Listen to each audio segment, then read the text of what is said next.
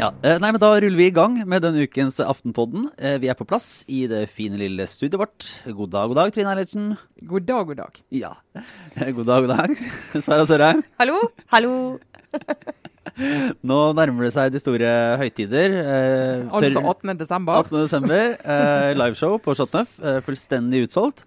Eh, men det er en sjanse for de som bor i Trondheim. Der kan man komme på Samfunnet 15. januar. Eh, for der er vi også eh, og ser på ting. Eh, men vi tør vi nå å si at det nærmer seg jul, eller er vi mer på en sånn tradisjonssesong? Eh, hva er det man det sier? Det peak vinter, er det det det skal Ja. hete nå? Nei, vinterfest. Det nærmer seg Vinterfest. Eller egentlig bare Happy Holidays. Som jeg tror Hvis man bare sier det, så dekker man absolutt alt uten Ja. å krenke noen. Annet enn da de som er veldig opptatt av jul. Ja, og det er det tydeligvis eh, mange, mange av. Altså, for nå er vi jo inne i den, eh, den eh, tradisjonen som kommer før jul. Det er jo da kampen om julen. Og vi nevnte vel Det var, det var et eller annet innlegg som Per-Willy Amundsen hadde tidligere i, i høst. Eller på en måte som, som var en opptakt til dette. Men nå har de virkelig slått seg løs både det ene og det andre stedet i løpet av uka som har gått. Eh, Fordi hva visste eh, de på Seljord skole i min gamle nabokommune om at deres beslutning, eller litt uheldige uttalelser, eller hva det måtte være, om at de kalte det altså ikke en, var en tradisjonsmat, eh, Ja, og hadde kjøpte servietter som det ikke sto 'Merry Christmas' på. Ja, Og at de hadde de inviterte elevene til, skoleball, skoleball. skoleball. eh, Som det for øvrig også het eh, da jeg gikk på skole. Men istedenfor da juleball, som det også kunne ha hett. da. Men der heter det altså nå heter det skoleball. Og da meldte de seg på én etter én av disse regjeringskameratene. Eh, Kjell Ingolf Ropstad og, så, og diverse i, eh, i Frp, selvfølgelig. Det var jo ramaskrik for at julen nå er under angrep. Mm. det var vel kanskje Altså Ropstad var litt mer overraskende, eh, tross alt. Eh, KrF har ikke vært inni den Helt der, helt der så mye, men, eh, men Nei, En av de er jo for så vidt kanskje den ene politiske aktøren som kunne hatt et gram av liksom, grunn til å egentlig altså, De er jo faktisk på ekte opptatt av den kristne høytiden jula. Ja, og De er opptatt av julegudstjeneste, sant? har de alltid vært. Men de har ikke, vært, de har ikke vært, hatt den der ekstremt lave, for ikke å si ikke-eksisterende terskel for å kaste seg på en eller annen nyhetssak fra et eller annet sted med et eller annet kildegrunnlag som ingen ettergår, og så bare Hva syns du? Lik og del. Som er det nye i vår tid. Ja, for det var ingen som lot seg sjokkere heller om at, eh, at nevnte Amundsen eller folk i Fremskrittspartiet, som jo har, har hatt dette som en juletradisjon i flere år allerede, eh, heiv seg på. Men så ble det jo mer bråk da eh, helhetspartiet Høyre i, i sin eh, desperasjon, kanskje i, i frykt etter å ha hørt Aftenposten eh, tidligere, som, eh, der det ble påpekt at de var i en slags krise, kastet seg inn i sosiale medier-krigen med eh, posten om at i Høyre mener jeg at det er lov å si jul, og, og fyrte opp under dette. Og da ble det litt mer, hva skal jeg si, litt breiere debatt. Ja, altså det, det er så mye som er galt med at Høyre kastes inn i det. At vi får bare begynne på toppen. La oss begynne på toppen. For det første så eh, legger de altså ut denne posten et par-tre dager etter at saken hadde vært publisert i denne avisen i Telemark. Eh, og har åpenbart ikke ettergått eh, Jeg vet ikke egentlig om de har lest artikkelen engang. Det tror jeg, for det er jo det nye. Du leser jo ikke artikler du mener om. Du bare ser at noen skriver en eller annen tolkning av hva som står i en artikkel, og så bare deler du det ut og er rasende. Eh, Så det gjorde de. Så de legger til grunn altså at en skole har forbudt noen å si juleball og julemat. Eh, og når noen da ettergår dette og spør rektor en gang til, så sier han det har vi ikke gjort. Vi har ikke hatt noe pålegg om det. Det har vært en eller annen samtale på skolen som er blitt blåst veldig opp. Uh, og for det andre at Høyre går inn i en sånn derre når de velger å gjøre det, det er det største regjeringspartiet, velger en sak de går inn i, så må du tro at det er en sak som har substans, som er reell, som angår mange. Og så kan være, kanskje det er et tegn på at noe er endring i samfunnet vårt. Og det er, altså de, da, da legitimerer de denne ideen om at det fins en war on Christmas, denne her eh, klisjeen som dukker opp hver jul. At det er en krig mot jul og julens begreper, og liksom skal inn i en sånn kulturkrigrolle. da. Og det syns jeg altså at Høyre av alle partier de skulle jo være sist ute Ja, ja. i denne dansen. Og så er de nå prøver de å være først. vet du. Det er også Det er så pinlig. Jeg har rødmet i to døgn. Og før vi går inn mer på denne her helt, egentlig ganske sjuke War on Christmas-greia i seg selv, så bare minner oss, vil jeg bare minne om at Hvor lenge er det siden? Er det to år siden daværende kulturminister Linda Hofstad Helleland, nei, det må være lenger siden, eh, lot seg avbilde Husker dere? i bunad. Lot seg avbilde i bunad foran peisen og la ut på Facebook eh, et helt vanvittig innlegg om, som begynte med setningen 'Vi vil bevare det norske'. Den norske kulturen. Eh, og så kommer det en sånn lang rant som handler om at vi hilser på hverandre når vi møtes på en restaurant i Syden og bla, bla, bla. Og så ender det opp med at hun, hun blir både forundra og trist, faktisk, av at det er en skole i Stavanger som hun hevder ikke lar elevene synge 'Deilig er jorden'. Ja, og, det, ble var jo heller kritisert sønn... Det var, ikke sant? Og da kan vi se, Det var kanskje en slags prøveballong. Sånn, kan jeg også være litt sånn Sylvi Listhaug-aktig? Og bare, jeg må bare minne Høyre om det gikk skikkelig dårlig. Ja. Så Ja, det er skikkelig dårlig. Og Ja. Høyre er i fritt fall, har gjort et elendig valg. Gjør det eh, helt elendig på målingene. Hvis dette er måten å ta For det så, det som var annerledes nå altså Når Frp gjør det, så det har en klangbunn hos en del eh, velgere i Frp. Når Høyre gjør det, så ser du at en del Høyre-sympatisører som virkelig mister kaffekoppen i gulvet og tenker hva i all verden er som skjedde her. Da får du denne diskusjonen om Høyre nå har sklidd for langt eh, nærme Frp, og om de skal begynne å konkurrere om den type velgere. Og det tror jeg for en del sånne, Vi skal snakke om et grunnfjell i Høyre, da. Så er det, det er helt, helt på en annen planet enn der de opererer. Og så hører vel med også, bare for å være litt redelig her, at det, det, har, vel, eh, det har vel kommet litt beklagelser fra Høyre. De har vel sagt eh, på kommunikasjonen der at det ikke var eh, kjempefornøyd Ja, med De den mener det var ikke helt Kanskje, kanskje traff ikke planken helt, men de har jo ikke beklaget det ordentlig fra, fra toppnivå. Det ligger ute fremdeles, sist jeg sjekket. Og eh, de stiller ikke i debatt om det. De stiller ikke i debatt om det. Og det, det mener jeg er veikt. Det er så veikt. Det var jo eh, interessant, eh, som, eh, som jeg har nevnt før på, i Høyre-podkasten, Stortingsrestauranten, så var jo Erna Solberg gjest. Og da eh, var det jo litt sånn delvis latterliggjøring av, den, eh, av FrPs eh, sosiale medier-poster, da, som er av den typen der man slenger ut en påstand som er sånn Vi vil at det skal være lov å spise pølse. Ja. Eh, som er sånn OK, eh, hvor, hvor finnes, finner du egentlig de som mener at det ikke skal være lov? Og da var liksom Erna Solberg inne og, og var med og, og lo litt av dette og, og holder på. Og så går det halvannen uke, og så er man med. Så er det sånn Ja, kanskje det var en oppskrift som eh, gir litt oppmerksomhet. Ja, Ja, så er det- litt, eh, for litt gøyalt, og det blir jo likt og det blir jo delt. Men hvis du leser kommentarfelt under der, så får de jo de får jo så hatten passer. Eh, og det Hvis du skal ta det større bildet her, så er det det at eh, såkalt ansvarlige partier går inn og heller bensin på et sånt Det er ikke engang et bål. Det er litt sånn ulming i et eller annet sted på internett som snakker om sånn å, nå er det ikke lov å feire jul lenger fordi at en eller annen skole et eller annet sted har gjort et eller annet med en skolegudstjeneste, så snakker du om det som et nasjonalt problem. Eh, og, det, og, det er, og der kan vi jo snakke om vår rolle òg, uh, Sara. i det der Når vi tar tak i disse sakene og løfter de opp som om en kjempekonflikt som angår, angår kjempemange. Akkurat denne type konflikter skal vi være veldig uh, forsiktige med å blåse opp. Både partier og politikere og medier. Ja, du ender jo kanskje opp med etter hvert å bare bli en litt sånn nyttig idiot for nettopp de som ønsker å ha dette som en, eh, en stor diskusjon. Fordi det vi jo snakker ganske lite om, er jo hvor ofte det går utrolig bra å løse dette. Og jeg, du også, Trine, har jo barn eh, i skolealder. Og det som, eh, som jeg opplever, som jeg sikkert jeg tror mange foreldre kan kjenne seg igjen i, det er at når det er rundt jul, så kommer det en veldig ålreit henvendelse fra skolen om at det er julegudstjeneste for de som ønsker det. Og for de som ikke ønsker det, så er det et annet alternativ. Og ungene blir aldri involvert i at dette er noe problem, og foreldrene velger selv. Og mange eh, som, som er kristne, går, de går selvfølgelig på gudstjenesten, men det legges også opp til at selv om du ikke tilhører kirken eller, eller er troende, så er du også uansett hjertelig velkommen på det. Og det er en sånn pragmatisk, åpen og fin måte å løse dette på, som, liksom, som går veldig bra. Og jeg tipper at det er jo stort sett faktisk liksom, Det er virkeligheten. Dette går stort sett veldig bra.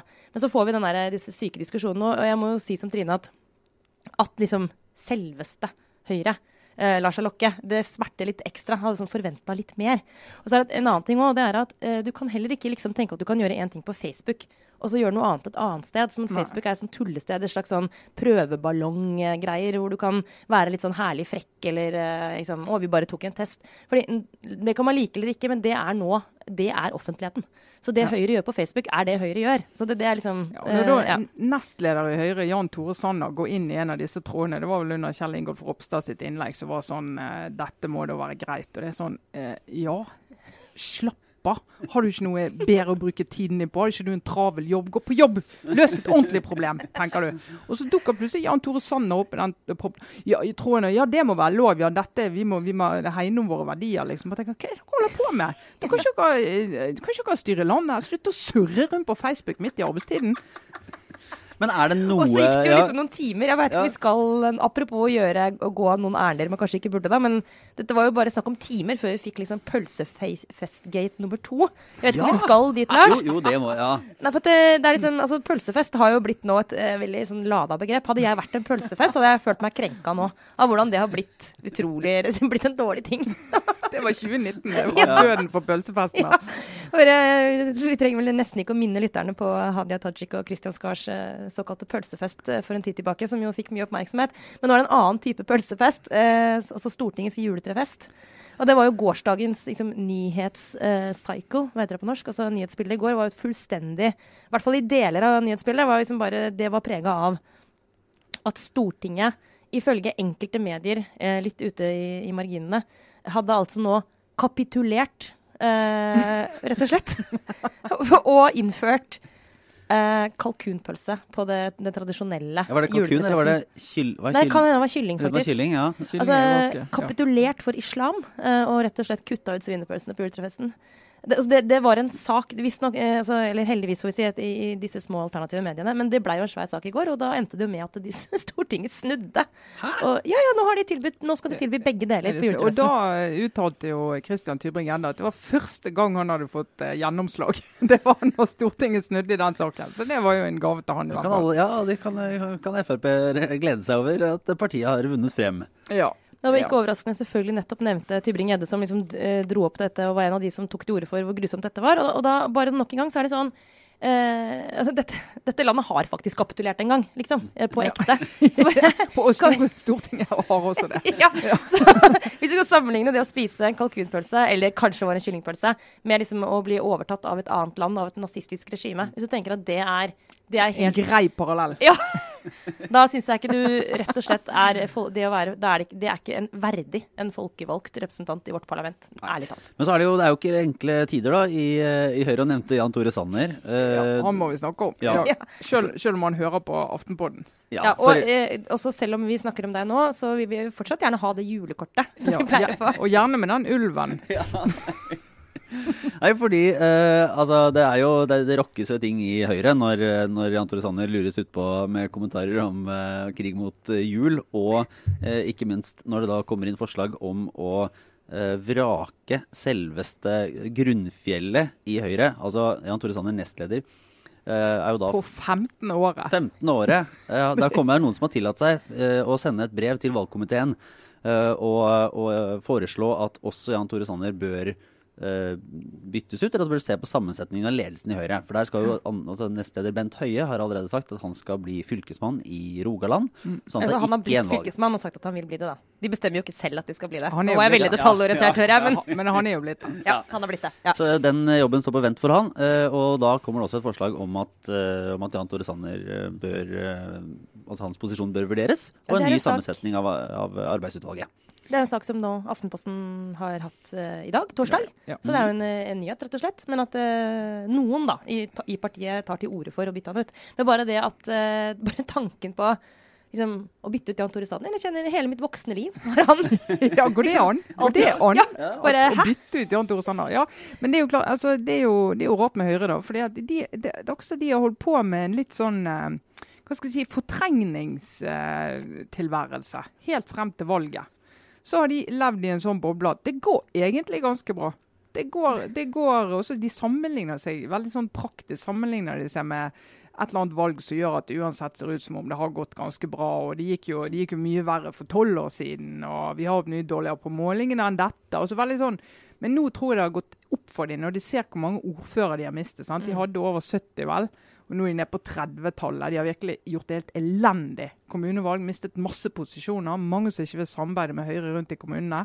Eh, de har blitt liksom litt sånn som gamle Arbeiderpartiet var. at de, Når de tapte posisjoner, så var de blitt såpass eh, mislikt hos en del andre at de ikke hadde lyst til å lage konstellasjoner med dem. Så det ble liksom maktskifte, selv om de har kanskje trodd litt arrogant at dette løser seg, selv om vi faller litt.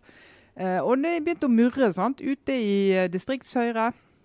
Jeg er min gamle klassekamerat gjennom tre år, Tom Georg Indrevik, leder i Vestland Høyre, han er ute og sier at nå eh, må vi få inn eh, folk i, i ledelsen, altså i sentralstyret, som har eh, en fot ute i landet, og Mm. folk i ledelsen som eh, ser resten av landet. og Han går jo ikke så hardt ut og sier at nå må Jan Tore Sanner byttes ut, men sier vi er nødt til å se på alle og arbeidsutvalget og se på personene der. Så du begynner å få en vil jeg si, sunn diskusjon i Høyre. Så de, de må jo ha den diskusjonen når de har sittet så lenge, alle disse folkene. Mm. Og de ser at det begynner å butte så voldsomt som det gjør nå. og Det politiske prosjektet fremstår veldig uklart. Og vi vet at det kommer en diskusjon om klimapolitikken i Høyre. Ulmer, sant? Unge Høyre pusher på. De begynner å jobbe med program og nye utvalg og sånn. Så det kommer til å måtte skje noe. Det er litt rart hvis de ikke skal se på persongalleriet òg. Ja, men er det sånn at Erna Solberg eh, uansett er freda, tror dere? Altså, eh, hun har jo sittet, Hvor lenge har hun sittet som leder, da? Er det noen som tar det på Er det ikke siden 2004, da? Fem? Fire-fem? Ja. Ja. ja, ni, ja. Der, ja, nå der omkring. Ja, men uansett så er ingen i, i den saken Aftenposten har i dag som tar til orde for at uh, hun bør skiftes ut. Tvert imot så er det et par kilder som bare slår fast at liksom, hun er altså, Det er det eneste de er sikre på, er at Solberg skal fortsette som partileder. Men uh, det kunne jo så, Vi kunne sett for seg at det ville blitt en diskusjon om det også, men det er altså Jan Tore Sanner som blir da pekt på som den naturlige Ja, jeg, jeg tror det er eh, litt teknisk vanskelig, for ikke å si psykologisk vanskelig, å utfordre statsministeren. Ja, altså, ja, Når altså- partiet har statsministeren, tror jeg. Og hun ja. Altså jeg tror I Høyre så, så er hun eh, måte dronning og eh, mor og alt mulig rart. Jeg tror, jeg tror det er helt utenkelig at, eh, at hun skulle kastes på noe vis. Jeg tror eh, Erna Solberg sitter Til hun akkurat går av, til hun ja. går av. Og så tror jeg vel kanskje at det er eh, noen i partiet som tenker at de må eh, at Erna Solberg eh, kanskje er litt sånn selvfølgelig i å fortsette med sitt team, og, Mm. og at det bare går og blir en sånn forvalter av, eh, av landet. da, og, eh, og at det trengs nye krefter inn i ledelsen for å, ja, for å tenke videre på hva som skal komme etter. Og, og der har det vel vist seg Det var jo på en måte for altså for ti år siden så var det mer naturlig å se for seg at Bent Høie og Jan Tore Sanner var etterfølgere. Litt sånn, dette, begge de kan ta over, og begge er dyktige politikere som har mye respekt i partiet og er, er godt likt. Og så kan det være et ofre for timing og suksess i at, eh, at partiet holder på å holde makten og Erna Solberg gjør det bra. Ja. Og så er det litt sånn Ja, skal vi bytte ut Erna Solberg nå med Jan Tore Sanner? Burde det ikke? Hvis Er, det, først- er det fornyelse, liksom? Ja. Ja, men det er nok riktig, fordi hadde, hadde ikke hun eh, vært statsminister de siste fire årene, altså hadde ikke de vunnet forrige gangen, så hadde ting sett annerledes ut. Jeg tror både Sanner og Høie hadde hatt en helt annen posisjon eh, hvis eh, de hadde tapt valget forrige, valget forrige gangen og Erna faktisk hadde gått av. Eh, men tror jeg er rett i at det blir umulig at ja, ingen av de to kan ta over partiet om man tenker at det er, er noe helt nytt. Samtidig så er det også kanskje grunn til å tro at noen i Høyre også tenker at den personen som kommer inn, eventuelt, eller de som kommer inn i partiledelsen nå, eh, skal være der i fire år i opposisjon. Altså i hvert fall På andre siden så er det ganske høy sigarføring i, eh, i Arbeiderpartikretser på at de tror at de tar statsministermakta. I hvert fall, Med mindre Senterpartiet kommer og rokker ved det. Men i hvert fall at eh, rød-grønn side kommer til å vinne i 2021. Eh, og det er jo sikkert ikke helt utenkelig, bare du ser på liksom, de store naturlovene. det, det, akkurat nå er jo ingenting som tyder på det motsatte, i hvert fall. Nei. Og da vil det jo kanskje være Da kan man jo se for seg at det vil være naturlig at Erna Solberg går av en liten periode etter at hun har da, tapt det valget, osv. osv. I hvert fall så er det et godt tidspunkt for å tenke at hvis du skal bygge en ny ledelse i Høyre, så har du et vindu nå hvor de kan eh, få noen år på seg til å få opp ny politikk, så de kan komme tilbake igjen i Hva blir det? 2024. 25. 25. Takk. Hoderegning er ikke min største styrke. Men, eh, men hvis det er noen strateger i partiet nå, så burde de jo tenke på den måten her. Men de er kanskje opptatt av å være på Facebook. Nei, og så er jo spørsmålet, uh, i og med at Bent Høie gir seg, så får de jo inn én ny person.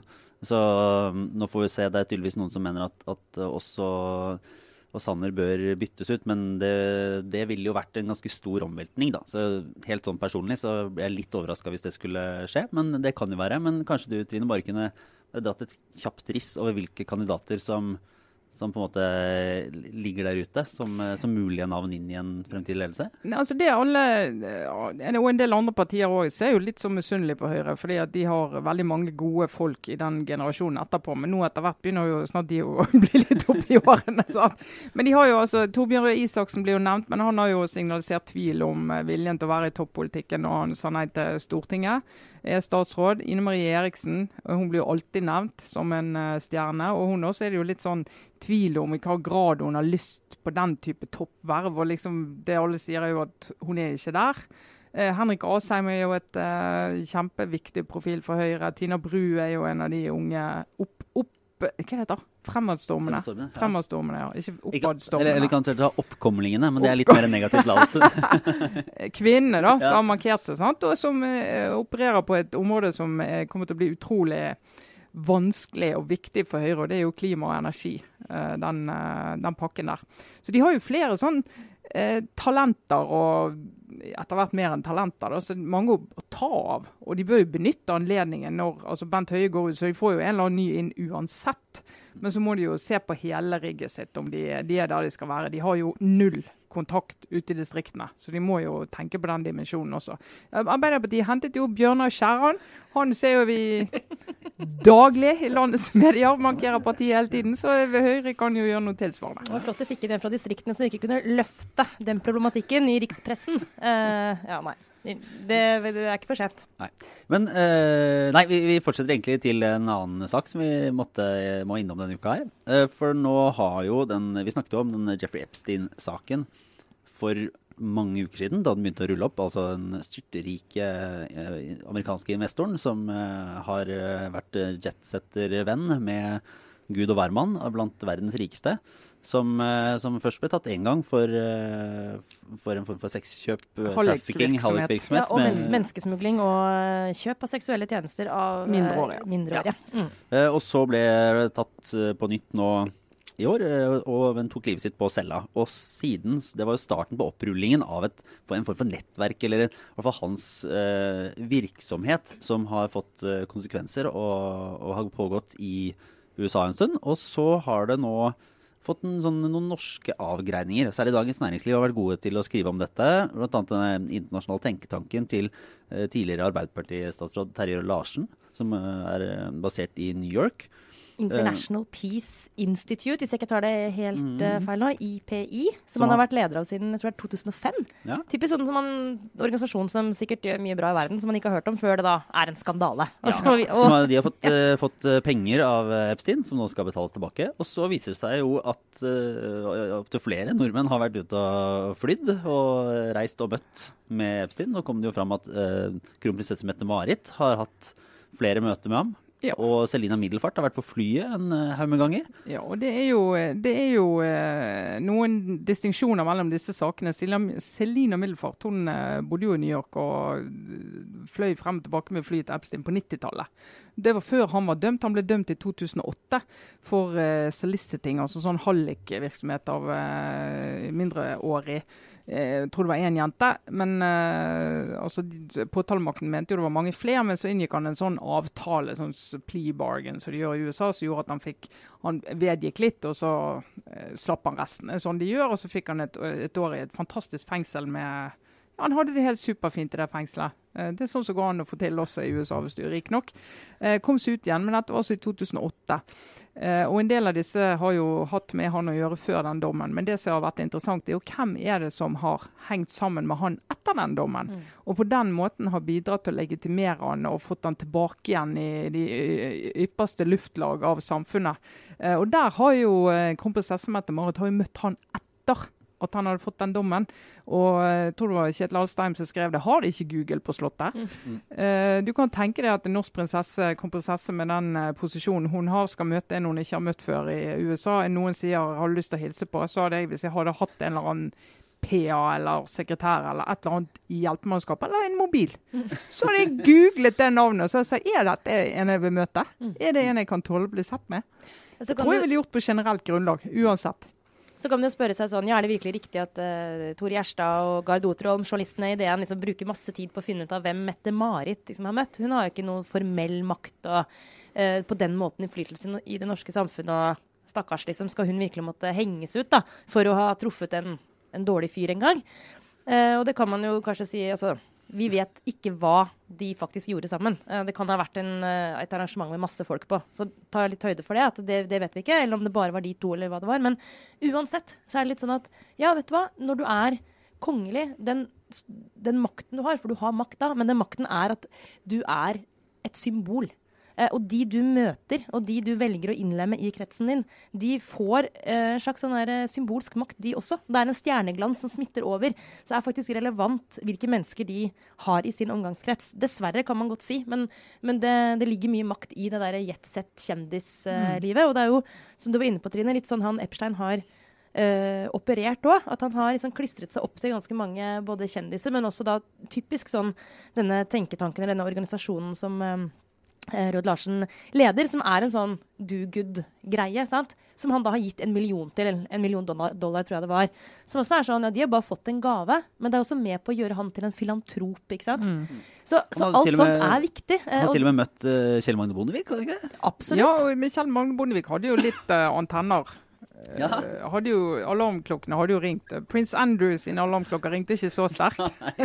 Nei, men det er noe med, så kan du si ja, Hvis du er dømt og har gjort opp for deg, skal du ikke da få lov å gå videre i livet. Eh, men det er jo, Og det skal du jo. Men hvis det, hvis det er det som er vurderingen, får du jo heller si det, da. Får du jo si nei, altså var dømt. Jeg, jeg ville jo synes Hvis jeg var eh, kongelig, så ville jeg synes det var touchy å omgås eh, folk som holdt på med mindreårige uansett. Uh, og kanskje tenkte at det er andre jeg kan møte. Mm. Må ikke møte han. Nei, er det veldig viktig. Så du, du, må jo faktisk være litt kresen. da. Og så er det jo det at nå han, eh, ble han tiltalt igjen, kom i fengsel. Eh, skal ha hengt seg. Det er jo bestridt. Det er jo, ja, det er jo en, en utrolig sånn en, Dramatisk. Ja, og konspirasjonsteorier uh, der ute på at han er drept av jo, Dette er jo liksom bare ryktebørs. Ja, ja men, og særlig Hillary Clinton, da, som dreper folk over en lav sko, uh, sier ja. de på nettet. Det er en kombinasjon av Hillary Clinton og Deep State. Ja, som har gjort det. Hva var det? Det var, jeg så et intervju med en jeg tror det var en politimann, det er et sånt klipp som har gått rundt på nettet uh, som forteller om noe helt, helt annet. Og så helt på slutten så bare sånn, så er det sånn For øvrig, eh, Jeffrey Epstein tok ikke livet sitt. ja, ja, bare, ja. Null peil, men det er en sånn uh, ting ja. som sies, da. Ja, og det er jo fordi han hadde veldig mange mektige venner, og hadde vært omgangsvenn med Donald Trump og mange andre. Og nå har det altså piplet inn i andedammen her hjemme. Ja. Men det, jeg mener at bare for å konkludere det, det er grunn til å være kritisk til hvem kongefamilien velger å omgå seg med, hvis de eh, rett og slett ikke selv tar ansvar for å sjekke eh, hvem de slipper inn. Eh, og så bare sånn for Kjell Magne Bondevik, eh, bare for å gi han bitte litt kred, for en gangs skyld, så var jo da møtet med Epstein, i hvert fall ifølge DN, eh, var en diskusjon om eh, dette fredssenteret til Bondevik skulle få støtte fra han. typisk samme mønstre. ikke sant? En sånn organisasjon som han, som det, det, det tar seg pent ut at han støtter. Men da visstnok så ble det, den kontakten ble brutt da Bondevik ble klar over eh, hans historie. Som jeg syns høres ut som en klok, eh, riktig avgjørelse. Eh, men man må, man må, skjønne disse mekanismene, hvordan folk opererer og misbruker eh, makt, også symbolsk kjendismakt, eh, for å eh, oppnå tjenester og mer makt og mer penger. Herlighet for en story. Men jeg syns det er kult at Dagens Næringsliv går inn og, og, og jobber med denne saken.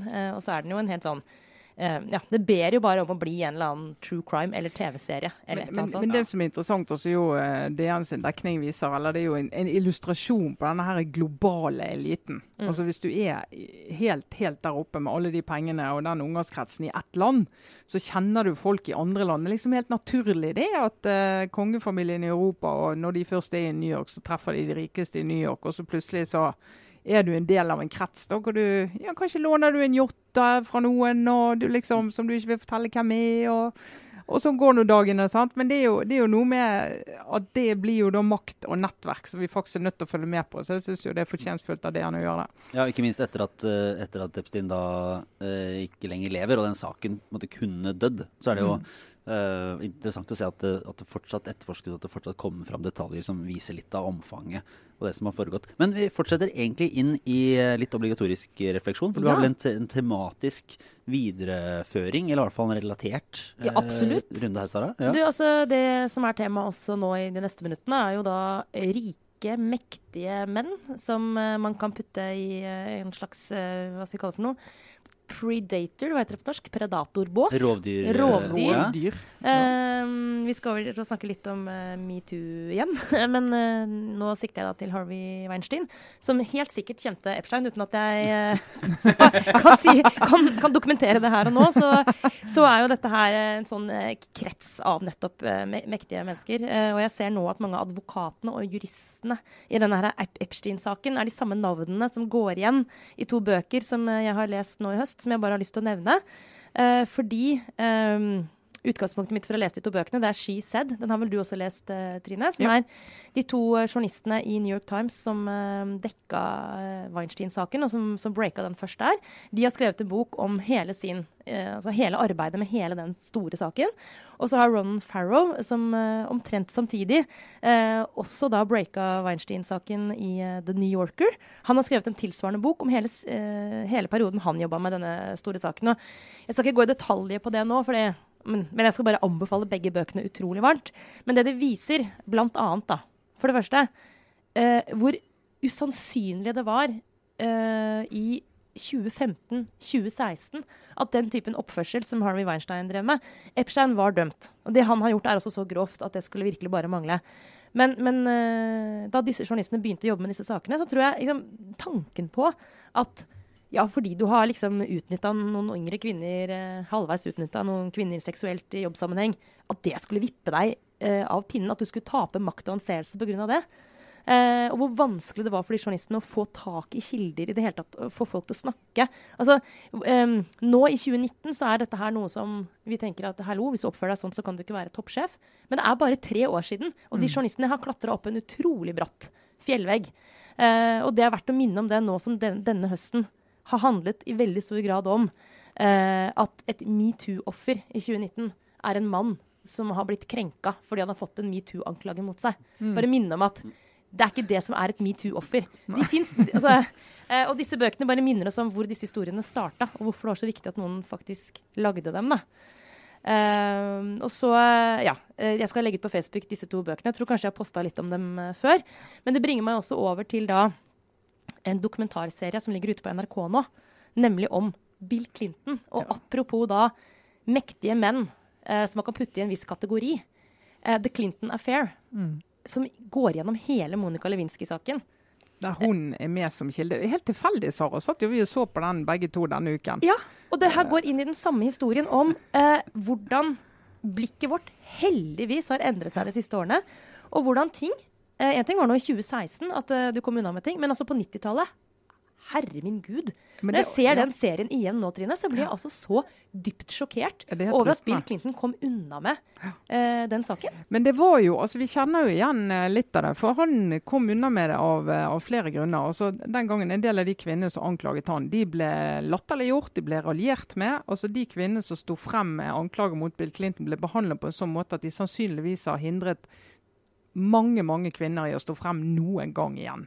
Altså pressen, altså Humorprogrammer i USA eh, parodierte Paula Jones. Ja. Eh, hun ene som anklaget ham for eh, trakassering. Eh, og liksom var, De kledde seg ut som hun og parodierte håret, klærne, nesen, måten å snakke på. De sparket nedover så hardt det lar seg gjøre. De sparket ikke oppover. Nei, nei. Og det var helt greit. Eh, og, det, og en av grunnene til det var jo at det var 100% politisert. Det var sånn at Hvis du var republikaner, så trodde du på det. Men det var jo ikke omsorg til kvinnene at du engasjerte. Det var jo fordi at han hadde vært umoralsk og utro. Mens hvis du var demokrat og eh, hadde sympati med Clinton, så tenkte du det her er enten så er det fake, at de har bare fått noen til å komme med falske anklager, eller så i Monica Lewinsky's tilfelle Herregud, hun var 22 år, hun er tross alt voksen. Dette her, Hun har nå utnyttet og har glede av det, hun òg. Og skal vi bry oss om presidentens privatliv? Altså, Da er du der. Maktdimensjonen var ikke til Nei, stede. det. Var ikke til stede. Og det er så det, altså Jeg var jo voksen på den tiden, og jeg kan ikke huske at vi reflekterte nok over det i det hele tatt. Nei, jeg tenkte bare på den saken som at eh, det var eh, nettopp det som Hillary Clinton da, har gjentatt og gjentatt i alle år etter, at det var en stor konspirasjon på høyresiden, og et eh, skikkelig guffent forsøk på å, å, å velte Clinton ut av, det, ut av Det hvite hus. Jeg tror jeg aldri noensinne egentlig før nå har liksom tatt inn over meg at den måten han helt åpenbart har utnytta kvinner på, fordi Lewinsky er ett eksempel, Paula Jones er et annet, men det er jo mange flere også. Um, det er ikke forenlig med å ha så mye makt. Og det er liksom bare, det er helt Men- utrolig at det gikk. Ja. Kan du bare lure, fordi at det her er jo da uh, Måten demokratene håndterte dette på, og på en liberale amerikanere har håndtert det på, er jo noe av uh, et av hovedankepunktene fra republikansk side. På at den derre mm. PK-greiene det er utrolig hyklersk, og det, det slår inn når det gjelder noen av våre, men når det gjelder f.eks. Clinton og deres egne, så er det samme.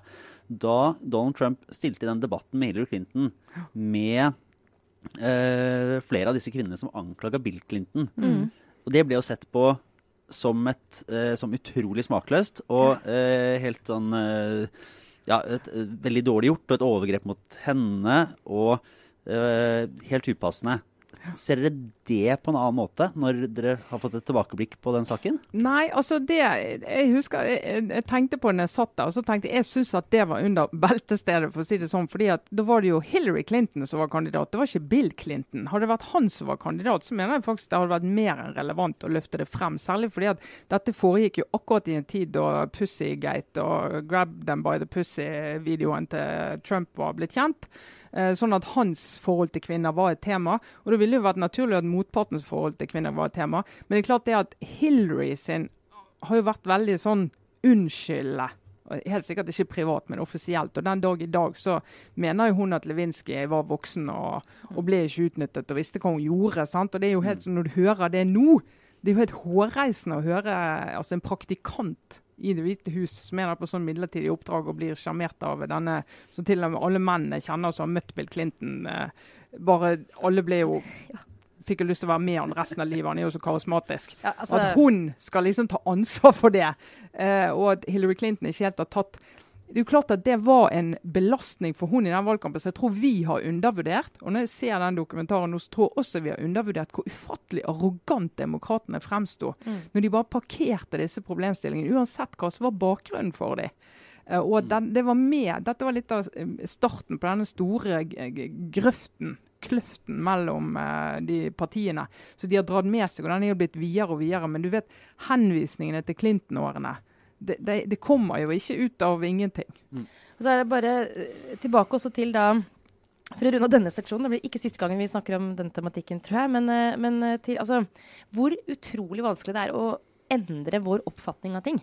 Eh, eh, og hvor eh, ja, disse journalistene som, som begynte å nøste i den saken altså Én ting er nå hvor vanskelig det var å, å, å avdekke og få folk til å snakke om Weinstein, men så kan du gange opp han med utrolig mye. Altså dette mønsteret. Menn som utnytter sin makt til eh, å få sex på en eller annen måte med folk som eh, er i en situasjon hvor det kan være vanskelig å si nei. Altså det mønsteret der, det å klare å se at det mønsteret, mønsteret eksisterer og ikke er sunt, det eh, er bare så det blir så tydelig for meg når vi ser den dokumentaren til Clinton, at eh, når du først har sett det, så kan du aldri liksom ikke se det igjen. Men det å se det er, altså, det krever så mye. Det er hard jobbing. Og det eh, er det på tide å bare minne om at det er jo eh, en varig effekt av metoo. Og så Mm, skjedde det det, det mye gærent underveis også, men vi må bare ikke glemme liksom, at det er veldig bra at det har skjedd. Eh, Det er jo ja. en revolusjon, mener jeg. da. Metoo-revolusjon, vil jeg kalle det. da. Uhyre viktig. Ja, jeg skal, eh, hvordan var det med deg, Trine? Hadde du Nei, nå følte jeg at jeg reflekterte. Ja. jeg syns du reflekterte ganske bra. så jeg har ingen unik refleksjon å komme med i da- dag. Nei, utover men, det. da kan jeg komme med en, eh, en liten anbefaling, eh, sånn eh, ganske korthet og enkelhet. Som er en, det er både en sak i, eh, i New York Times og det som har blitt en treepisoders podkast i eh, feeden til The Daily, eh, som heter altså The Jungle Prince. Som er en, en liten eh, Det er en historie eh, som er utrolig fascinerende og, og veldig, veldig godt fortalt. Jeg har hørt nå denne podkasten. Jeg tok den eh, i et eh, stort jafs. Og skal, jeg fortsatt lyst til å lese hele saken sånn skrevet ned. Det er et godt tegn. Uh, og den er uh, Det er uh, vanskelig å egentlig skulle oppsummere den. Du hadde hørt den, Trine? Ja, ja, jeg har hørt den, og jeg er også fascinert. Jeg hørte den på, på lørdag. Jeg har hørt den i ett jafs, så det vil jeg jo også anbefale. da. Ja, det tror, tar jo utgangspunkt i da friindiske frigjøringen og delingen utskillelsen av Pakistan og alt det dramaet da. Og en, da en indisk familie som hva skal vi si, strever litt med omstillingen. Ja, må men, vi det- kunne men, det, si. men det var er veldig gøy å observere, for nå ser jeg på dette, og jeg har ikke hørt denne podden. Jeg ser at dere begge liksom snakker om dette med begeistring, men jeg skjønner ingenting. Nei, nei. Altså, for jeg tenker, det, er, det er en del sånne spennende elementer der. Så den forklaringen som uh, du kom med der, Trine, det var veldig sånn realpolitisk. Uh, in inngangen, er. Ja, inngangen er veldig mye mer uh, måte, Ja. folkelig og romantisk. Ok, Så det er verdt å høre på. Vi må bare høre på det. Ja, det er Ja, verdt ja. å høre Ja, på. Det er mennesker. Det er en historie om mennesker også. Mm. Ja. Etter å ha hørt på Dolly Partons America, da. Det må du absolutt høre på. Nå er det syv episoder ute nå. Ja, ikke sant. Nei, og Med det så takker vi for denne gang. Vi kommer tilbake med, med mer podkast før jul. Absolutt. Som vi insisterer på å kalle det, fordi jeg mener at det skal være helt lovlig å Ja, kalle det, det jul. det må være Det må lov. være lov. Det må være lov. Lik og del. Takk for i dag. Ha det bra. Det var Aftenpodden.